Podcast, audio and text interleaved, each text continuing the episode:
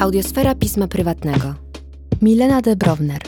Explosion, czyli czym lub kim jest katastrofa. Czyta Zofia Duda.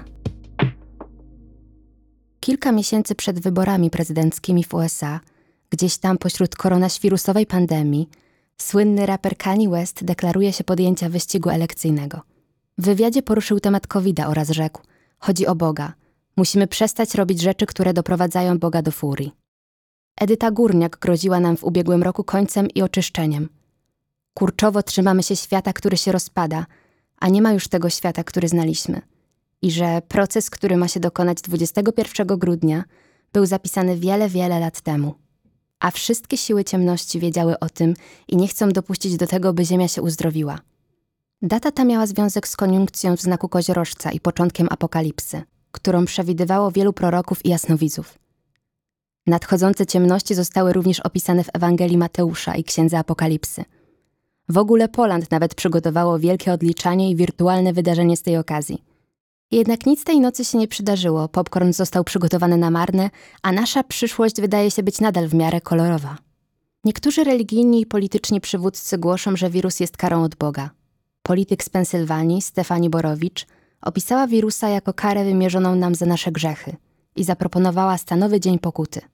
Pewni ewangeliccy chrześcijanie Perry Stone i Rick Wiles twierdzą, że jest to z kolei kara za aborcję i małżeństwa homoseksualne.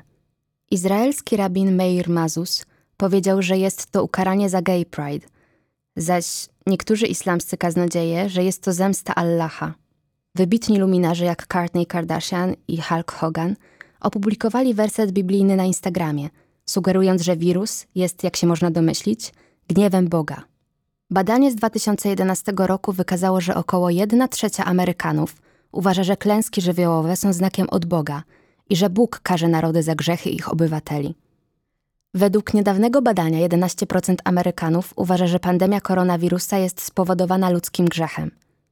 Przypuszczalnie ten pomysł jest mniej popularny w krajach niezbyt bogobojnych, jak Australia czy w częściach Europy. W bardziej religijnych państwach jest to analogicznie większy fenomen – Ankieta przeprowadzona w Pakistanie w 2012 roku wykazała, że prawie połowa respondentów uważa, że susza jest karą Bożą. Idea boskiej kary pojawia się zawsze, gdy dochodzi do wielkiej katastrofy. Po huraganie Katrina, trzęsieniu ziemi na Haiti, katastrofie na Oceanie Indyjskim, trzęsieniu w Kaszmirze i katastrofie w Japonii. W 2011 roku Japonię nawiedziło ogromne tsunami, które zabiło tysiące ludzi, zmiotło całe miasta i spowodowało awarię reaktora jądrowego. Premier Japonii wzywał do spokoju, cesarz mówił o nadziei i współczuciu. Jednak gubernator Tokio powiedział, że nieszczęście to było konsekwencją chciwości Japończyków. Użył słowa tenbatsu, oznaczającego boską karę. Był szeroko krytykowany za to stwierdzenie, lecz w następnym miesiącu został ponownie wybrany na gubernatora. Przez tysiące lat w kulturach, które oddzielały tysiące kilometrów i które różniło tysiące myśli, Katastrofy były karą boską. W starożytnych Chinach wierzono, że władcy mają swojaki mandat dany im z nieba. Katastrofy były niebiańską karą lub ostrzeżeniem, co oznaczało, że władca mógł stracić swój tron, ponieważ zawiódł lub był grzeszny. Według legendy zapanowania króla Tanga były straszliwe susze.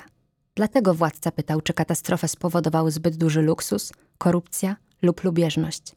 Planował złożyć z siebie ofiarę pokutną, ale niebiosa okazały miłosierdzie i przyszły deszcze. W pismach islamskich kataklizmy często są oznakami apokalipsy lub kary wymierzonej przez Boga. W Koranie jest przypowieść o proroku, który podarował miastu nadprzyrodzonego wielbłąda. Mieszkańcy zranili zwierzę, więc Allah zniszczył miasto trzęsieniem ziemi. W północnej Europie za karę uważano powodzie i mróz. Istnieje niemiecka legenda o miasteczku Rungholt. Jego mieszkańcy byli niemoralni, a ksiądz nie stronił od alkoholu. Dlatego niespodzianką nie jest, że Bóg, wywołując burzę, zmiótł miasto do morza. W Mezoameryce ludność wierzyła, że to susze i zarazy są karami, więc składali ofiary z ludzi, by jakoś udobruchać zagniewaną siłę wyższą. Aztekowie wysyłali ofiary do bogów, aby zawartość paczki błagała o litość za popełnione grzechy. Zdaniem głównych winowajców zamieszania w 2012 roku, czyli Majów, świat miał zostać zniszczony czterokrotnie. Trzy kataklizmy Ziemia ma już za sobą. Po raz pierwszy została zniszczona przez słońce. Po raz wtóry przez wiatr. Trzecia destrukcja dokonała się ze sprawą boga Wódczak Tlaloka. który zesłał potężną powódź, zatopił miasta i piramidy Indian, a ludzi, którzy przeżyli potop, zamienił w ptaki. Przed nami czeka czwarte zniszczenie świata. Otóż rozwścieczone jaguary wyjdą z lasów i zaczną zabijać. W Biblii Bóg zsyła cały szereg katastrof jako osąd. Niszczy grzeszne miasta Sodomy i Gomory deszczem płonącej siarki. Sprowadza też dziesięć plag do Egiptu, zamieniając Nil w krew, zsyłając szarańcze i żaby oraz burze gradu i ognia. Jest też historia o potopie, kiedy to wybija ludzkość za niegodziwość. Apokalipsa według świętego Jana nie pozostawia nam złudzeń i nie daje szans. Bóg, tworząc świat, wyznaczył mu określony czas działania. Jak długi? Bóg jeden wie. Biblijna historia potopu jest poprzedzona podobnymi opowieściami z Mezopotamii, jak w eposie o Gilgameszu. Starożytni Grecy wierzyli w mit o potopie Deukalion, w którym Zeus zsyła klęskę, aby zniszczyć plugawą rasę ludzką. Przez stulecia na całym świecie ludzkość była wręcz naznaczona postrzeganiem katastrof jako karę Bożą. Prawie tak, jakby to była zaprogramowana i domyślna wiara. Kiedy dzieje się coś potwornego, chcemy zrozumieć, dlaczego tak się właśnie stało. Pragniemy wierzyć, że nasze cierpienie ma sens. Boska kara jest przyczyną katastrofy i może dać nam poczucie kontroli. Tak, ta klęska jest straszna, ale możemy uniknąć przyszłych nieszczęść, okazując skruchę, składając ofiary lub obwiniając gejów. I gdy ziemia się trzęsie lub morza robią desant na ląd i wszystko, co na nim żyje, znika, to z pewnością wygląda na sprawkę tego jednego rozwścieczonego gościa. Przez tysiące lat wyjaśnienia religijne były najlepszymi wyjaśnieniami, jakie mieliśmy i na jakie było nas stać. Jednak sytuacja zaczęła się zmieniać. Oświecenie to czas w XVIII-wiecznej Europie, który zaowocował nowymi ideami w nauce i filozofii. Myśliciele tacy jak Voltaire, Kartezjusz, Isaac Newton rzucili wyzwanie zarówno starym ideom państwowym, jak i kościelnym. Jednym z tych przeterminowanych pomysłów był filozoficzny optymizm. Przekonanie, że świat, który istnieje, jest najlepszym z możliwych, a wszystko, co się dzieje, jest sprawiedliwe i konieczne w Bożym planie. Aleksander Pope raz rzekł: Cokolwiek jest, jest słuszne. Jednak wiara ta została zachwiana po katastrofie w 1755 roku w Lizbonie. W tamtym czasie znanej jako jedno z największych, najbogatszych i najbardziej en vogue miast w Europie. Podczas pewnego poranka, kiedy to wierni byli zgromadzeni w kościołach, grzesznie celebrując święto religijne, Lizbonę nawiedziło trzęsienie ziemi. Do tego jeszcze tsunami. Kościoły runęły na wiernych, a port został zmyty. Szczeliny rozerwały miasto, zaś pożary płonęły przez wiele dni. Zginęły dziesiątki tysięcy ludzi, a Lizbona została w większości zniszczona. Jedną z nielicznych części, które przetrwały, były domy rozkoszy w dzielnicy Czerwonych Latarni. Duchowni oświadczyli, że trzęsienie było sądem Bożym. Wybitny kapłan lizboński Gabriel Malagrida napisał: Jakie wielkie żniwo grzesznych dusz taka katastrofa zsyła do piekła i wezwał ludzi do pokuty. Podobnie mówią tak teraz różni przywódcy religijni, czy Hulk Hogan. Mimo to oświeceniowi myśliciele nieustannie kwestionowali Kościół. Zadawali niewygodne pytania, na przykład dlaczego Bóg miałby zniszczyć pałac królewski, ale zostawić domy rozkoszy w całości pięknie stojące? Jaki grzech Bóg ukarał, który wart był zabicia tysięcy ludzi, kiedy to Lizbona była pobożnym miastem obchodzącym święta religijne? Filozofowie z pasją debatowali, jak dopasować tę katastrofę do swoich wierzeń. Voltaire napisał wiersz o trzęsieniu ziemi, atakując ideę optymizmu i boskiej kary. Zapytał: Jaką zbrodnię, jaki grzech poczęły te młode serca, które krwawiły i były rozdarte na piersi matki?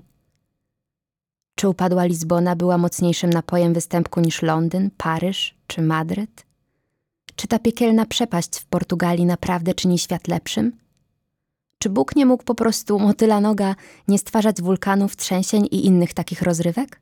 Premier Lizbony odbudował miasto, stawiając jedne z pierwszych na świecie budynki odporne na trzęsienia ziemi i rozesłał po całej Portugalii kwestionariusz, który był jednym z pierwszych w historii systematycznych badań skutków katastrofy. Immanuel Kant próbował wyjaśnić trzęsienie ziemi nauką, twierdząc, że zostało ono spowodowane przez podziemne gazy i minerały. Trzęsienie w Lizbonie radykalnie zmieniło sposób myślenia ludzi o katastrofie. Nowe pomysły w sejsmologii, zarządzaniu katastrofami, planowaniu urbanistycznym rozprzestrzeniły się po Europie i na świecie. I zadziałały. Dziś w Japonii, 250 lat później i 11 tysięcy kilometrów od Lizbony, Tokio mistrzowsko opanowało łagodzenie skutków trzęsień ziemi. Są praktyki, ćwiczenia i instrukcje. Są i maszyny do symulacji wstrząsów do szkolenia dzieci w wieku szkolnym. Dzięki technologii odpornej na trzęsienia, budynki są bezpieczniejsze oraz istnieje system ostrzegawczy wysyłający alerty. Nowoczesna metoda i zarządzanie mogą sprawić, że katastrofy będą znacznie mniej niebezpieczne i przerażające.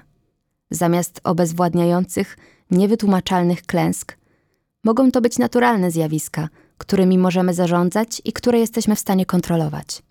Badania psychologiczne pokazują, że bardziej prawdopodobne jest, że uwierzymy w Boga i dostrzeżemy znaczenie przypadkowości, gdy odczuwamy niepokój i tracimy kontrolę. Więc kiedy katastrofa jest sprawnie zarządzana i monitorowana, możemy nie potrzebować wyjaśnień religijnych, takich jak kara boska. Dzisiaj, gdy coś idzie nie tak, nie obwiniamy Boga ani grzechu. Obwiniamy rząd. Według badań większość Amerykanów obarcza lokalne lub zagraniczne rządy za koronawirusa i nie popiera ich odpowiedzi na pandemię, przez co powstają protesty przeciwko wszelakim lockdownom. Krytykuje się takie organizacje jak Światowa Organizacja Zdrowia, ONZ czy UE. Kiedy więc nadejdzie katastrofa, zamiast zwrócić się do Boga, władzą wyższą, do której się kierujemy, jest właśnie rząd. Trochę ludzi wierzy w teorie spiskowe, a nawet więcej niż trochę. Według badań ponad 1 czwarta Amerykanów uważa, że Bill Gates chce używać szczepionek do śledzenia ludzi. 12% Australijczyków wierzy, że 5G rozprzestrzenia wirusa, a 39% sądzi, że wirus został stworzony w chińskim laboratorium. Więc zamiast wierzyć, że pandemia jest zemstą z niebios, ludzie upierają się, że to plan Chin lub plan Billa Gatesa. Według psychologów ludzie dają wiarę w teorie spiskowe z podobnych powodów, dla których pokładają swe zaufanie w religię. To strategia radzenia sobie ze stresującym, niepewnym światem. Bo to przerażające widzieć, że dookoła panuje chaos. Nikt tak naprawdę nie rządzi i trudno powiedzieć, kto jest dobry, a kto zły. Pocieszające jest wierzyć całym sercem, że wszelkie zło na świecie pochodzi od iluminatów lub kogokolwiek innego, a wszystko jest częścią ich misternie złego planu. Ale ty, przykładny obywatelu, jesteś heroicznym i obudzonym oporem, a każdy, kto twierdzi inaczej, jest tylko częścią intrygi. Teoria spiskowa może uczynić cię częścią odjechanej grupy, która wierzy w to samo. Zupełnie jak w religii. Jednak w religii siłą wyższą jest Bóg – kiedy to w teoriach spiskowych sprawcami złego i tymi pociągającymi za sznurki są ludzie. W ciągu ostatnich stu lat te najgorsze klęski nie są żywiołowe jak trzęsienia ziemi. Są stworzone przez człowieka. Wybuchy jądrowe, wycieki ropy, wypadki przemysłowe i zmiany klimatyczne. Nasze emisje dwutlenku węgla ogrzewają Ziemię, topią Arktykę, wybielają rafy, pogarszają ekstremalne zjawiska pogodowe i pożary. Ilekroć teraz ma miejsce huragan lub fala upałów, zamiast winić Boga lub popełniony grzech, ludzie przypisują to zmianom klimatycznym spowodowanymi przez człowieka. Bieda i głód są coraz częściej postrzegane jako problem, który sami sobie przysposobiamy, spowodowany konfliktami międzyludzkimi i złym zarządzaniem. Wojna, terroryzm, broń jądrowa. Wraz ze wzrostem siły ludzkiej rośnie nasza zdolność do niszczenia i katastrof. Dlatego coraz bardziej boimy się już nie apokalipsy ze strony Boga, ale apokalipsy ze strony nas samych. W mitologii starożytnej apokalipsa pochodzi od bogów nordyckiego Ragnaroka, biblijnego Armagedonu, eposu o Gilgameszu. Tego typu historie są nadal popularne. Chociażby filmy o superbohaterach czy boskich istotach walczących z magicznym końcem świata. Jednak w wielu współczesnych mitach apokalipsa jest wywołana przez ludzkość i technologię. Roboty stworzone ludzką ręką w Terminatorze i Matrixie, spowodowane przez człowieka zmiany klimatyczne w The Day After Tomorrow, wojna nuklearna w Fallout. Popkultura skrywa w sobie strach, że sami siebie zgładzimy. Sztandarowym tego symbolem jest apokalipsa zombie. Nie zawsze jest ona rozpętana przez ludzi, ale jest to katastrofa stworzona z ludzi – Horda zombie wygląda bardzo podobnie do apokaliptycznych potopowych mitów. Ogromnej, przerażającej, niepowstrzymanej, pochłaniającej wszystko siły. Jednak na biblijny potop, pochodzący od Boga, składa się woda, naturalna siła, podczas gdy armię zombie tworzą ludzie. Jeśli obejrzało się któryś z oryginalnych filmów o zombie, taki jak Świt żywych trupów, to tam nie chodzi tylko o upiorne, pogryzione, chodzące martwe ciała. Tam chodzi o upadek ludzkich instytucji, takich jak rząd i media. Chodzi o bezmyślną kulturę konsumencką, chciwość i plemienność, nierówności i podziały, całe to wszechogarniające zło wywołane kryzysem. Można postrzegać zombie jako ucieleśnienie wszystkich najgorszych cząstek naszej ludzkiej natury i niegodziwości, której się obawiamy, że znajdziemy ją w sobie, gdy nadejdzie katastrofa. Słowo apokalipsa oznacza objawienie. Mamy nadzieję, że globalny kryzys ujawni w nas dobro, jednak lękamy się, że zdemaskuje najgorsze, że nie możemy winić Boga, grzechu ani 5G, że nie ma planu, kary ani spisku. Boimy się, że katastrofa to my. Eksperci twierdzą, że samo trzęsienie ziemi, tsunami lub wirus nie jest katastrofą samą w sobie. One wyrządzają szkody tylko wtedy, gdy narażamy się na nie, ponieważ nie jesteśmy w stanie odpowiednio się przygotować i zareagować. Od wydarzeń w Lizbonie minęło 250 lat. Wiemy, że zdarzają się trzęsienia ziemi, tsunami i wirusy. Mamy naukę, badania i zasoby. Specjaliści ostrzegali nas od dziesięcioleci, abyśmy przygotowali się na pandemię, wzywając do polityki opartej na dowodach, zapobiegania i wprowadzania środków ostrożności w zakresie zdrowia publicznego. To nie jest sexy. Z tego nie nakręci się powalającego filmu. Nie ma dobra przeciwko złu. Nie ma samotnego bohatera takiego jak Noa, Zaratustra, Deukalion czy Brad Pitt, którzy mogliby nas ocalić przed zagładą. Nasze mity sprowadziły nas na manowce. Czasami ocalenie milionów istnień nie wymaga indywidualnego heroizmu, pokuty czy poświęcenia. Wymaga starannego planowania, współpracy, organizacji, racjonalności, współczucia, a to wszystko na poziomie lokalnym, politycznym i międzynarodowym. To właśnie odróżnia nas od zombie. Być może najbardziej śmiercionośnymi i zaraźliwymi wirusami są mity, które opowiadamy sobie o apokalipsie. Idee i pomysły definiują naszą historię. Starożytni budowali imperia oparte na religii i mitach, posiadając mandaty z nieba. Oświecenie rozpowszechniło naukę, rozum i filozofię. Teraz mamy Kaniego, Marvela, Trumpa i kogokolwiek, kto zaczął to całe 5G. Każdego dnia zmutowane szczepy informacji rozprzestrzeniają się w sieci, infekują nasze mózgi i zmieniają nas, łącząc w frakcje i ruchy masowe, zmieniając światową gospodarkę i politykę. Każdy wybór, którego dokonujemy, opiera się na tym, co naszym zdaniem wiemy. Więc to, w co wierzymy, może być różnicą między oświeceniem a apokalipsą. Po katastrofie w Japonii Satohiro napisał, że dzisiaj, kiedy wymieranie ludzkości staje się coraz bardziej możliwe, wszyscy jesteśmy zobowiązani być nosicielami przyszłości, by podjąć trudny wybór, którą drogę obrać. Stoimy w obliczu historycznego punktu zwrotnego i musimy mocno się zastanowić, w jakim kierunku podążać. To była audiosfera pisma prywatnego. Materiał został zrealizowany we współpracy ze Studenckim Kołem Nagraniowym na Głos. Dziękujemy za słuchanie i zapraszamy do pozostałych nagrań z tej serii na pismoprywatne.pl.